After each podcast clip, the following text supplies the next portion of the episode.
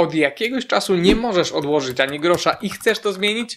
To fantastycznie, bo dzisiaj tłumaczę jak zacząć oszczędzać pieniądze od zera bez względu na to ile aktualnie zarabiasz. Jeśli jeszcze nie oszczędzasz albo po prostu chcesz odkładać więcej, to ten filmik jest dla Ciebie. Pierwsza wskazówka to miej świadomość na co odkładasz. Niezależnie od tego czy planujecie swoją emeryturę, czy zbieracie na telefon, samochód czy mieszkanie, Dobrze jest wyznaczyć sobie cel i policzyć, co musimy zrobić, żeby go osiągnąć. To dlatego, że łatwiej jest odmówić sobie wyjścia do restauracji albo drugiego ciuszka, kiedy wiemy, że zbliża nas to o centymetr do wymarzonego samochodu czy podróży dookoła świata, niż kiedy mamy go sobie odmówić, żeby mieć pieniądze.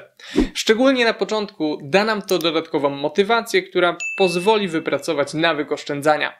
Później możemy już oszczędzać bez żadnego celu, dla samej przyjemności. Druga wskazówka to zwiększenie zarobków. Wiem, że nie jest to coś, co chcielibyście usłyszeć, ale niestety nie da się odłożyć 2000 miesięcznie zarabiając 3, chyba że mieszkacie w piwnicy u rodziców albo nie, nie znalazłem żadnego albo. Zwiększanie zarobków to złożony temat i omawiam go szerzej w innych materiałach. To, co możecie zrobić już teraz, to poprosić szefa o podwyżkę albo podnieść ceny klientom.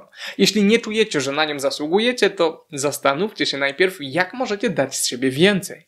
Co istotne, nie mówię tutaj o tym, żeby koniecznie pracować więcej lub ciężej, ale żeby dać większą wartość firmie. Jeśli mimo to nie widzicie dla siebie możliwości na rozwój w obecnej organizacji czy branży, to najlepiej będzie ją zmienić. Wybaczcie bezpośredniość, ale tak po prostu jest.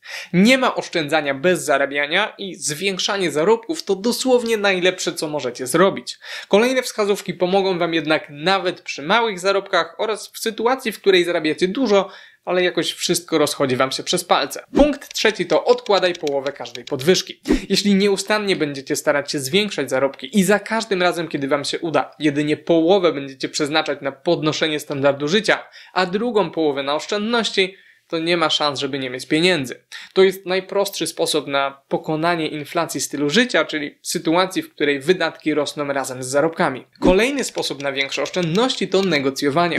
Czasami nawet bardzo oszczędne osoby zupełnie zapominają o tym punkcie, zupełnie jako zostawieniu łapki w górę dla YouTube'owego algorytmu.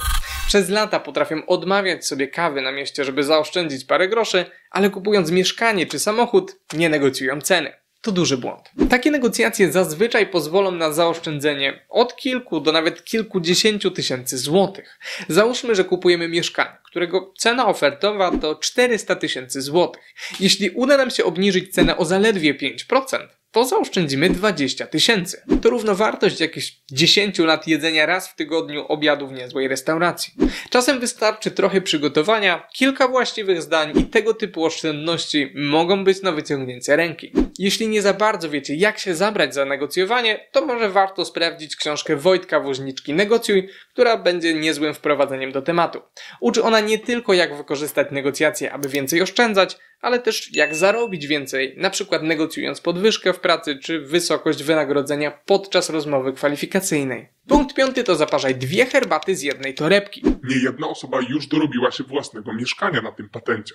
Taki mały żarcik. Prawdziwy punkt piąty to kupuj to, czego potrzebujesz, a nie to, na co masz ochotę. Wiem, że łatwo się mówi, ale dobrze jest wyrobić sobie nawyk zadawania pytania, czy na pewno tego potrzebuje, za każdym razem, kiedy kupujecie coś droższego. Prosta sprawa, a już pozwoli wyeliminować pewną część impulsywnych zakupów. Dodatkowo, jeśli bardzo chcecie coś kupić, nie ma lepszej rady niż odłóż decyzję w czasie. Prześpijcie się z tym, jeśli za dwa dni nadal będziecie czuli potrzebę, żeby kupić, to śmiało. Okaże się jednak, że w większości przypadków nawet nie będziecie pamiętać o co chodziło. Te dwie techniki pomogą Wam wypracować minimalistyczne podejście, które na przestrzeni lat zaoszczędzi Wam naprawdę bardzo dużo pieniędzy. Kolejna rada to spisywanie wydatków. Kiedy po każdym miesiącu spojrzycie na to, gdzie rozchodzą się Wasze pieniądze, to gwarantuję Wam, że znajdziecie pozycje, które nie będą się Wam podobać i będziecie chcieli się ich pozbyć. Na pewnym etapie zarobków można je sobie odpuścić, ale ja osobiście cały czas spisuję wydatki i nie zamierzam przestawać w najbliższej przyszłości. Sam korzystam z aplikacji na telefon i wprowadzam każdy wydatek w momencie, kiedy płacę. Nie ma szans, żeby wdrażając te wskazówki nie zacząć wreszcie oszczędzać pieniędzy. Jednocześnie jest jedno ogromne ale. Oszczędzanie nic nie da przy takiej inflacji. Z tego powodu koniecznie musisz nauczyć się inwestować i to szybko. Na szczęście mam rozwiązanie. Zapraszam na playlistę Inwestowanie dla początkujących, gdzie krok po kroku przedstawiam najważniejsze informacje.